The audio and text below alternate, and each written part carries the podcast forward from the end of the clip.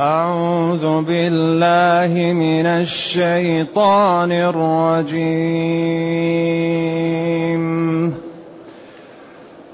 لا جناح عليهن في آبائهن ولا أبنائهن. ولا أبنائهن ولا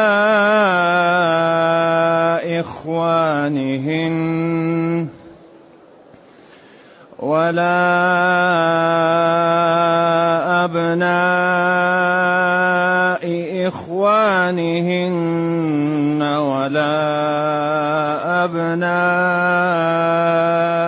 أخواتهن ولا نسائهن ولا ما ملكت أيمانهن. واتقين الله واتقين الله إن الله كان على كل شيء شهيدا. إن الله وملائكته يصلون على النبي. يا أيها الذين آمنوا صلوا عليه. يا أيها الذين آمنوا صلوا عليه وسلموا تسليما. إن الذين يؤذون الله ورسوله لعنهم الله لعنهم الله في الدنيا والآخرة وأعد لهم وأعد لهم عذابا مهينا. والذين يؤذون المؤمنين والمؤمنات بغير ما اكتسبوا فقد احتملوا بهتانا وإثما مبينا يا أيها النبي قل لأزواجك وبناتك ونساء المؤمنين ونساء المؤمنين يدنين عليهن من جلابيبهن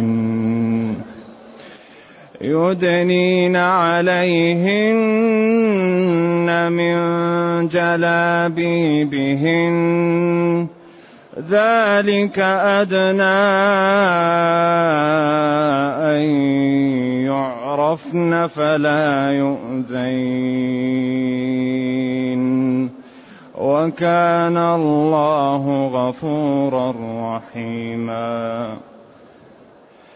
لئن لم ينته المنافقون والذين في قلوبهم مرض والمرجفون في المدينة لنغرينك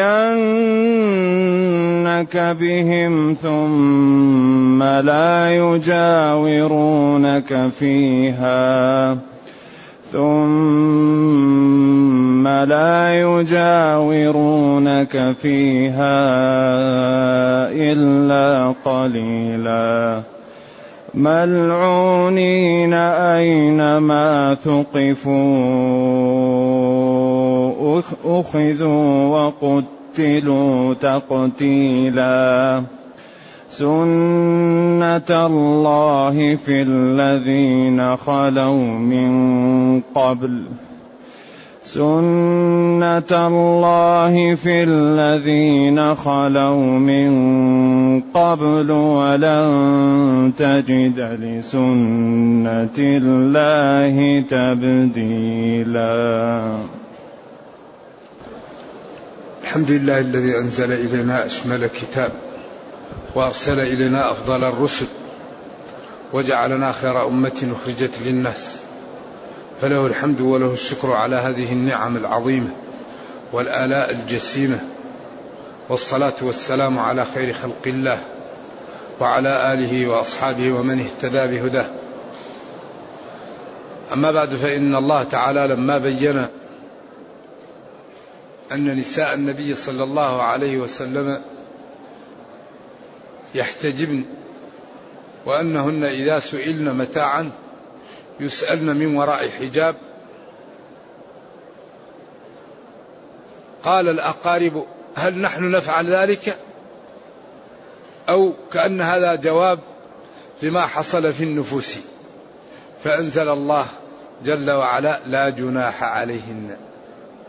أيوه. أي لا حرج عليهن أي أمهات المؤمنين في لا في آبائهم إذا الأب يدخل على أمهات المؤمنين لأنه أب لأم المؤمنين مثلا أبو بكر أو عمر. إذا لا جناح عليهن في آبائهن. الواحدة يدخل عليها أبوها.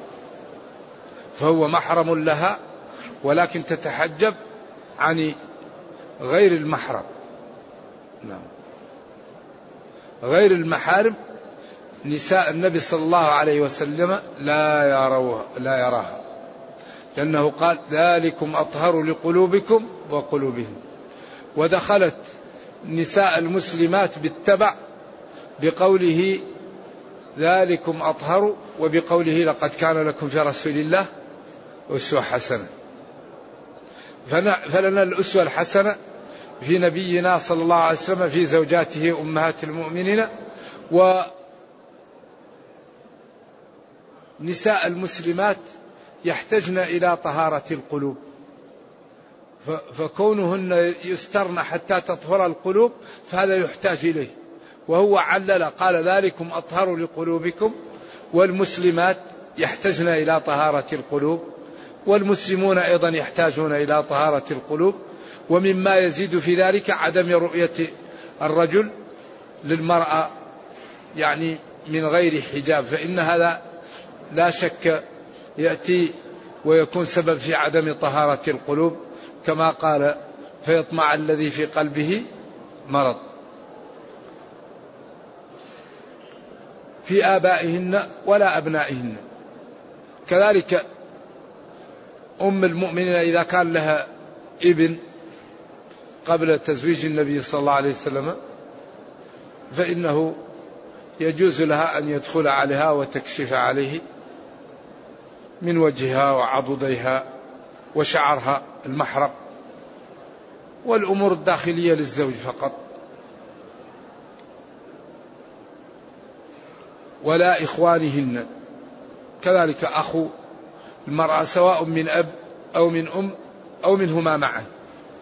فكل إنسان يدري بأخوة من الجانبين أو من أحدهما فهو محرم.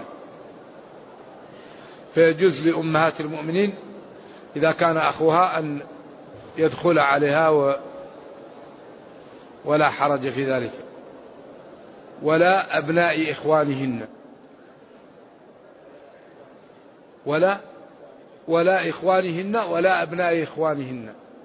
كذلك ابن الأخ محرم. مثل الأخ ولا أبناء ولا ولا نسائهن. ولا إخوانهن ولا أبناء إخوانهن ولا نسائهن. ابن الأخ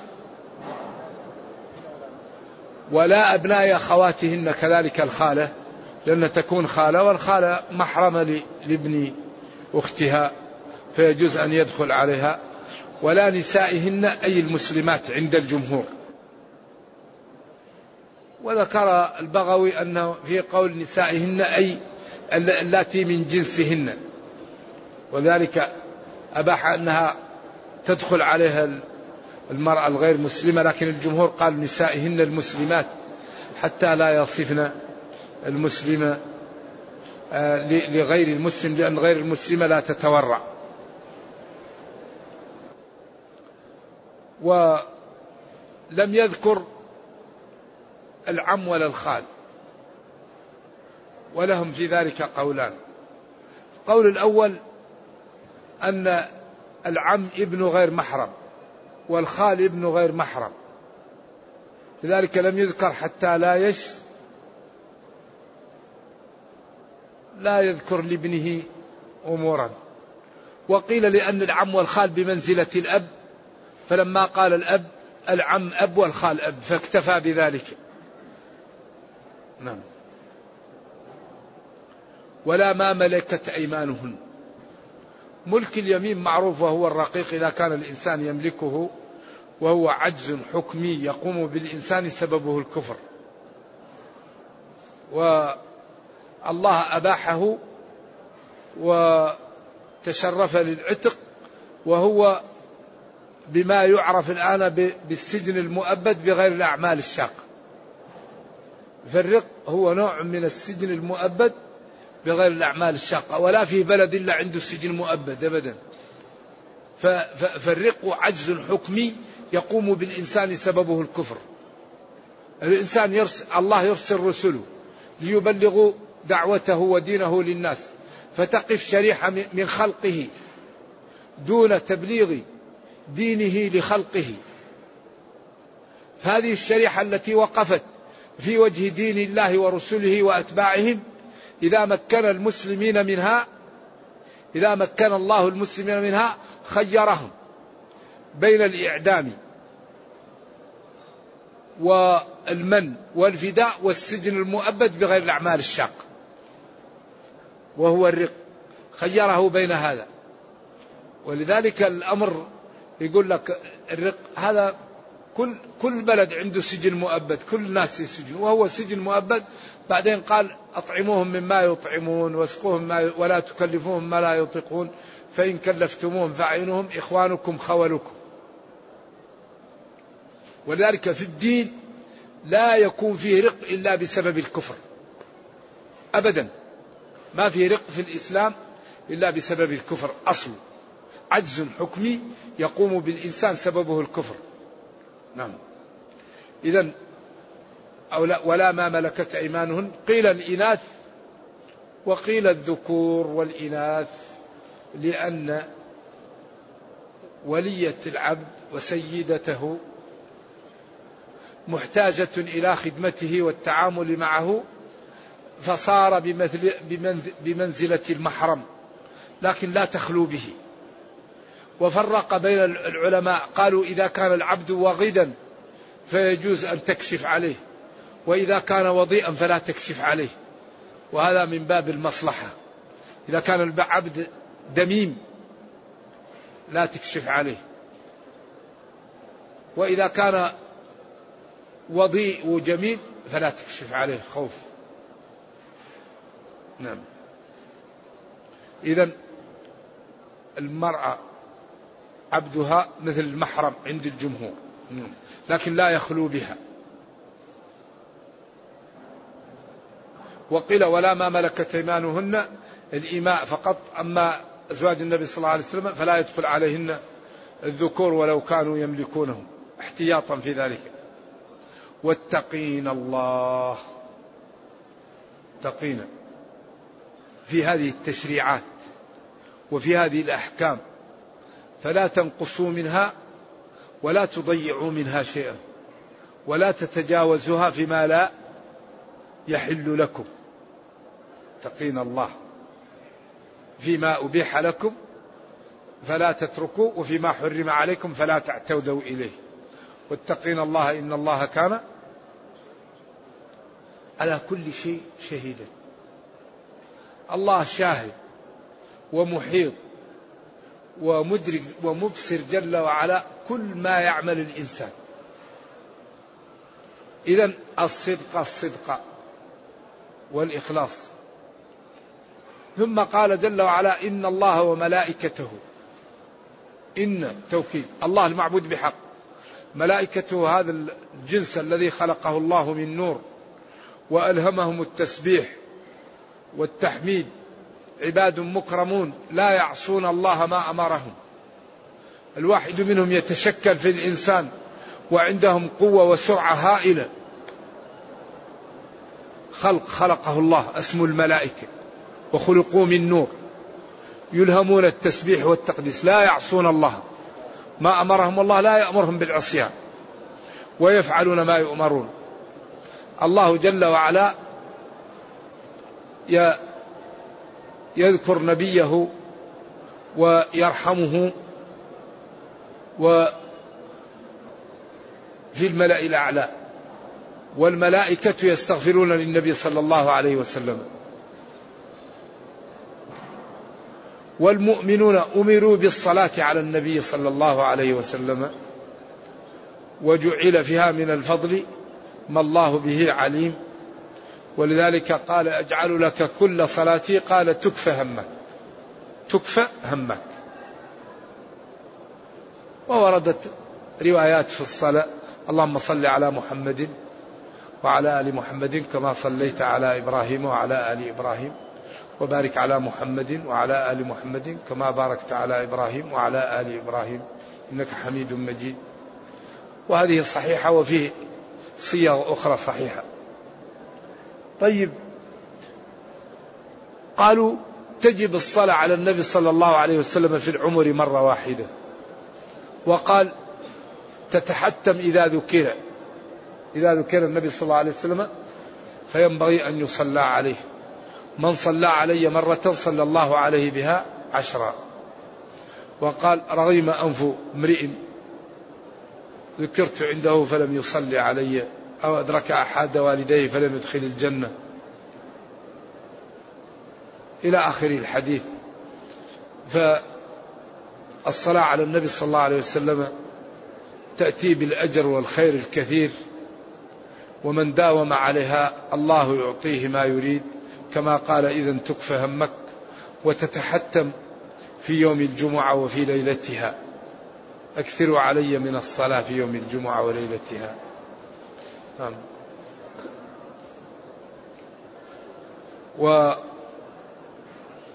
ونبينا صلى الله عليه وسلم الله أعطاه مكانة عظيمة وله علينا منة عظيمة لذلك ربنا أمرنا بالصلاة عليه.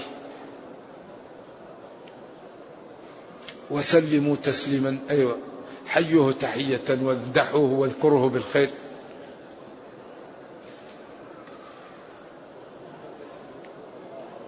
ثم قال إن توكيد الذين جمع الذي يؤذون الله يكفرون به وينسبون له الولد والصاحبة والعجز والشتم ورسوله صلى الله عليه وسلم في التكذيب به وفي أذيته و كما فعلت قريش وضعت عليه السلا وفي المدينة كذبوه وقالوا ساحر وأساطير الأولين واتهموه في أهله. إن الذين يؤمنون الله ورسوله طردهم الله من رحمته في الدنيا والآخرة عياذا بالله.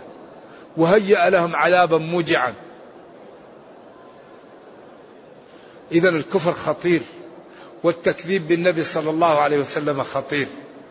فصاحبه مطرود من رحمة الله في الدنيا ومطرود منها في الأخرى. وأعد هيأ لهم عذابا مهينا يعني مذلا وموجعا. يعني يهين صاحبه لما ينال من الرهق والتعب ومن عياذا بالله المهانة والخسة والذين يؤذون المؤمنين والمؤمنات بغير ما اكتسبوا. ما فيه مجال لأذية الله ورسوله. أما المؤمنون بغير ما اكتسبوا. وهذا يدل على أن المؤمن إذا ظلم المؤمن أو عمل له شيء يجوز أن يأخذ بقدر مظلمته. وجزاء سيئة سيئة مثلها. ولمن انتصر بعد ظلمه فأولئك ما عليهم من سبيل إنما السبيل على الذين يظلمون الناس. ومع ذلك قال وأن تعفوا أقرب للتقوى. إن الذين يؤذون المؤمنين أيوة باتهامهم كصفوان والمؤمنات عائشة بالشنايع بغير ما اكتسبوا بأمر لم يفعلوه أو ألاهم بالغيبة أو الكذب عليهم فقد احتملوا بهتانا كذبا وجورا وظلما يعني عظيما يعني ذنبا وجريمة وعقوبة تتبع ذلك. إذا ينبغي للمسلم أن لا يظلم المسلمين ينبغي للعاقل أن يكف عن الظلم. الظلم ظلمات. الذين يعني يظلمون الناس يكذبون عليهم يغتابونهم يشوهونهم يزدرونهم يمنعونهم حقوقهم. كم من إنسان عنده عمال لا يعطيهم حقهم هذا ظلم. كم من إنسان عنده زوجة لا لا لا يعدل معها؟ كم من إنسان عنده جار يحتقر ويحط الزبالة عند بابه؟ الذين يؤذون المؤمنين بغير ما اكتسبوا وبالأخص إذا كان ما عمل لك شيء تحتقر إنه ضعيف تحتقر إنه فقير. تحتقر أنه غني انه ما يجوز.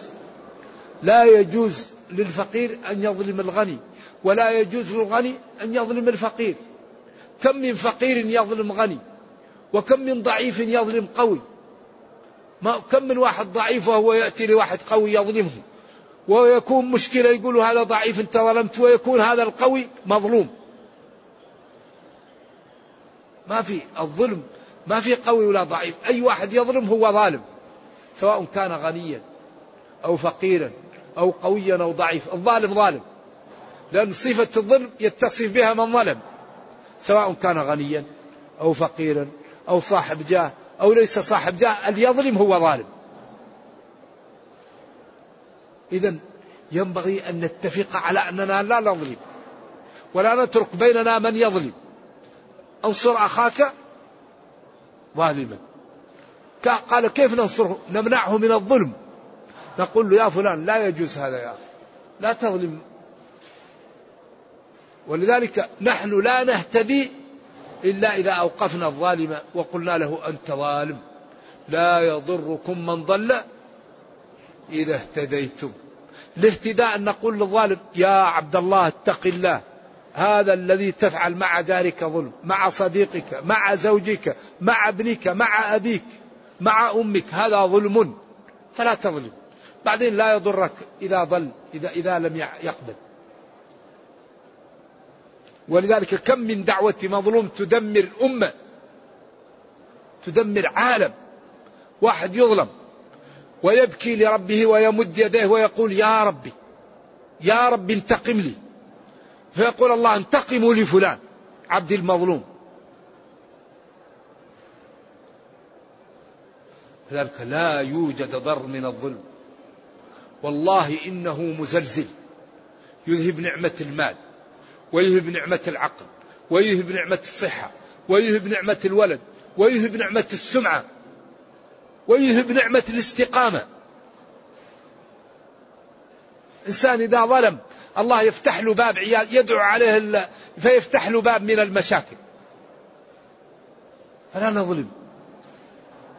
ومن ظلمناه نتحلله. نقول له يا فلان أنا ظلمتك أطلب منك أن إيش؟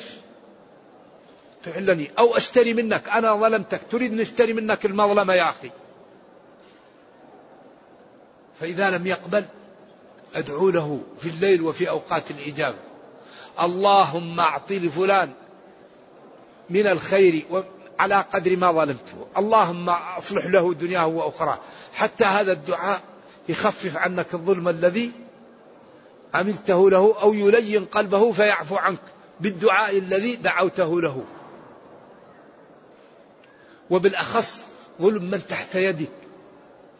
كم من كم من المسلمين يظلم العمال؟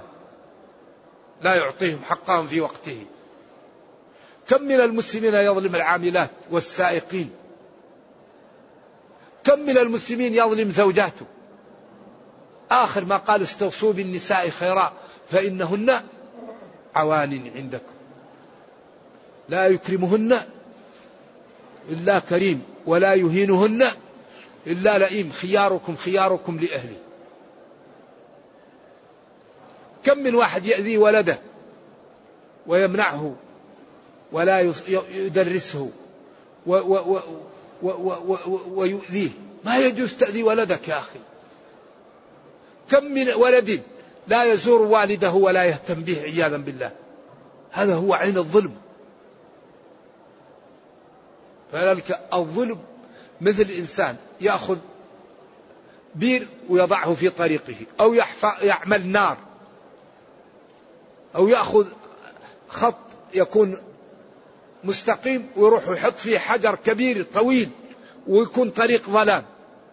هذا الظلام تمشي تضرب في هذا الشيء هذا سبب الظلام. زي الظلام زي, زي الظلم. الظلم يكون الإنسان ماشي سليم فيضع في طريقه الحفر ويضع في طريقه البلاء. لذلك ما دام العبد ما ظلم هو بخير. وبالأخص الضعاف. الضعاف الذين لا لا لا قوة لهم يدفعون ولا يدري أحد عنهم. ولذلك غالبا ما تأتي تلك حدود الله في الظلم في البيوت. لأن أكثر ما يكون الظلم في البيوت. ما يراه الناس. تلك معالم حدود الله. فلا تعتدوا ما أحد لكم لما حرم عليكم. فإنكم إن فعلتم ذلك عرضتم أنفسكم لسخط الله وللعقاب. إذا يقول والذين يؤذون المؤمنين والمؤمنات بغير ما اكتسبوا فقد احتملوا بهتانا وإثما مبينا. قال بغير ما اكتسبوا. هذا دلالة على عدالة هذا القرآن وعلى صدقه. أما بما اكتسب يدعو عليك واحد ظالمك الدعوة ترجع إليه. ما تأتيك. إن الله لا يظلم الناس شيئا. ما دام هو ظالم الدعوة لا تستجاب وترجع عليه لأنه ظلم. فذلك من أكبر أسباب انتقام الله لخلقه الشخص الذي إذا ظلم يسكت. هذا أخطر شيء على المظلوم أن الظالم لا يدعو عليه ولا يسب ولا يشتمه. هذا عين الهلاك على الظالم. ولكن الله يرفق بالمظلومين أحيانا أن بالظالم أن المظلوم يروح يسب ويشتم ويدعو عليه فيأخذ حقه فيخفف على على على الظالم بما يقوم به المظلوم نحوه. أما إذا كان المظلوم لا يتكلم على الظالم فهذا أخطر شيء على الظالم. ثم بين جل وعلا أن النساء الحرائر ينبغي أن يتميزن على الإيماء لأن الإماء لا يجب عليهن أن يسترن شعر رؤوسهن. الأمة يمكن أن تكشف شعر رأسها ولا تغطي. أما أما آه، الحرة بالإجماع الشعر عورة. والوجه يستر. ما يكشف. كما قال في حق أزواجه وإذا سألتموهن متاعا فسألونا من وراء حجاب وقال ذلكم أطهر لقلوبكم. لكن الوجه في فيه في أخذ وعطاء. لكن شعر الحرة ما في أخذ ولا عطاء. ما في أحد يقول شعر الحرة ما هو عورة أبدا. هذا محل الإجماع والمحققون يقولوا المرأة المسلمة تستر وجهها بدليل قوله ذلك أطهر لقلوبكم ويدنين عليهن من جلابيبهن. أي يغطين. ورحم الله نساء الأنصار فإنهن لما نزلت الآية أصبحن يأتين للمساجد كالغربان. كالغربان سوداء. ما يظهر منها شيء. وهذا يقوي أن وجه المرأة يستر. نعم. فكانت المسلمات إذا خرجن في الليل يتبذلن في اللباس فيشتبهن مع الإماء فيتعرض لهن الفساق في المدينة. فأمر الله النساء الحرائر يا أيها النبي قل لأزواجك وبناتك ونساء المؤمنين يدنين عليهن من جلابيبهن يسترن. ذلك أدنى أن يعرفن أنهن حرائر فلا يتعرض لهن الفساق الذين يتعرضون للإماء التي هن فاسقات والستر عندهن أقل لأن هن مبتذلات ولأن عقوبتهن على على على الذنب أقل من عقوبة الحرة. فلذلك تسوهل في أمرهن لأنهن إيش؟ يتعرضن للخدمة وللأمور التي لا تنبغي ولكن أيضا لا يجوز لهن ولا يجوز للفساق أن يفعلوا هذا ولكن أمر الحرائر أن يسترن حتى يعرفن أنهن حرائر ليس يعرفن بوجوههن. يعرفن هذه الشريحة أنها حرة بالستر لأن الأمة لا يجب عليه أن تستر رأسها. ولذلك كان عمر يضرب الإماء إذا سترت الوحدة رأسها حتى تتميز عن إيش؟ عن الحرة. ذلك أدنى أن يعرفن فلا يؤذين من الفساق وكان الله غفورا رحيما. لئن لم يكف ينتهي المنافقون. جمع منافق وهو الذي يظهر الإسلام ويبطن الكفر وفي زمننا يسمى الزنديق. والذين في قلوبهم مرض ضعف في الإيمان وميل للفاحشة. والمرجفون في المدينة الذين يتحركون بإيش؟ بالشائعات ويقولوا السرية التي أرسلها المسلمون انهزمت ووقع فيها العدو ويأتون بالأراجيف حتى يأذوا المسلمين ويسببون لهم قلقا وخوفا. قيل هذه الأوصاف الثلاثة للمنافقين وقيل لا الأولى للمنافقين والثانية لضعيفي الإيمان والثالثة لشريحة أخرى ممن يسكن. والذي يظهر أن هذه أوصاف للمنافقين كما قال إلى الملك القرم وابن الهمام وليث الكتيبة في المزدحم. إلى الملك القرم بن الهمام ليث الكتيبة. هذه أوصاف تعطف على بعض ولذلك تكون هذه أوصاف للمنافقين أنهم لم ينتهي المنافقون وهم الذين في قلوبهم مرض وهم المرجفون في المدينة. نعم. لنغرينك بهم لنسلطنك عليهم. ونجعلك توقع بهم.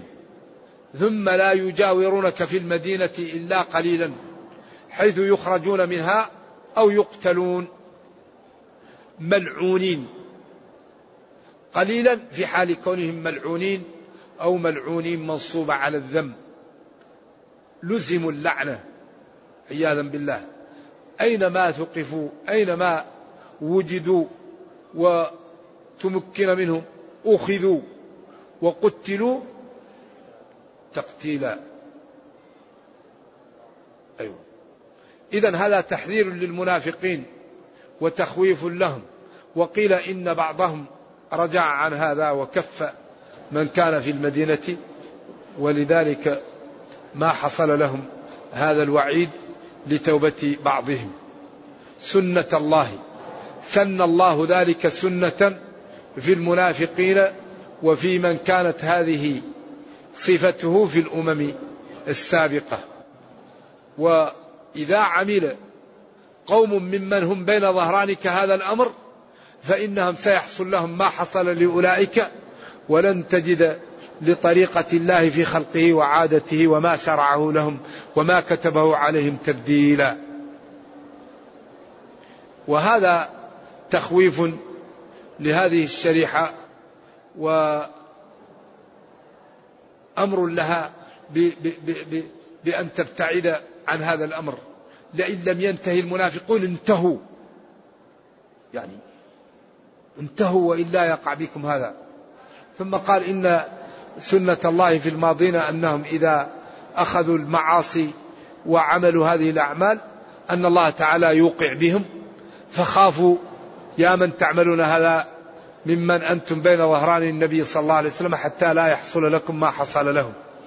نرجو الله جل وعلا أن يرينا الحق حقا ويرزقنا اتباعه وأن يرينا الباطل باطلا ويرزقنا اجتنابه وأن لا يجعل الأمر ملتبسا علينا فنضل. اللهم ربنا أتنا في الدنيا حسنة وفي الآخرة حسنة وقنا عذاب النار.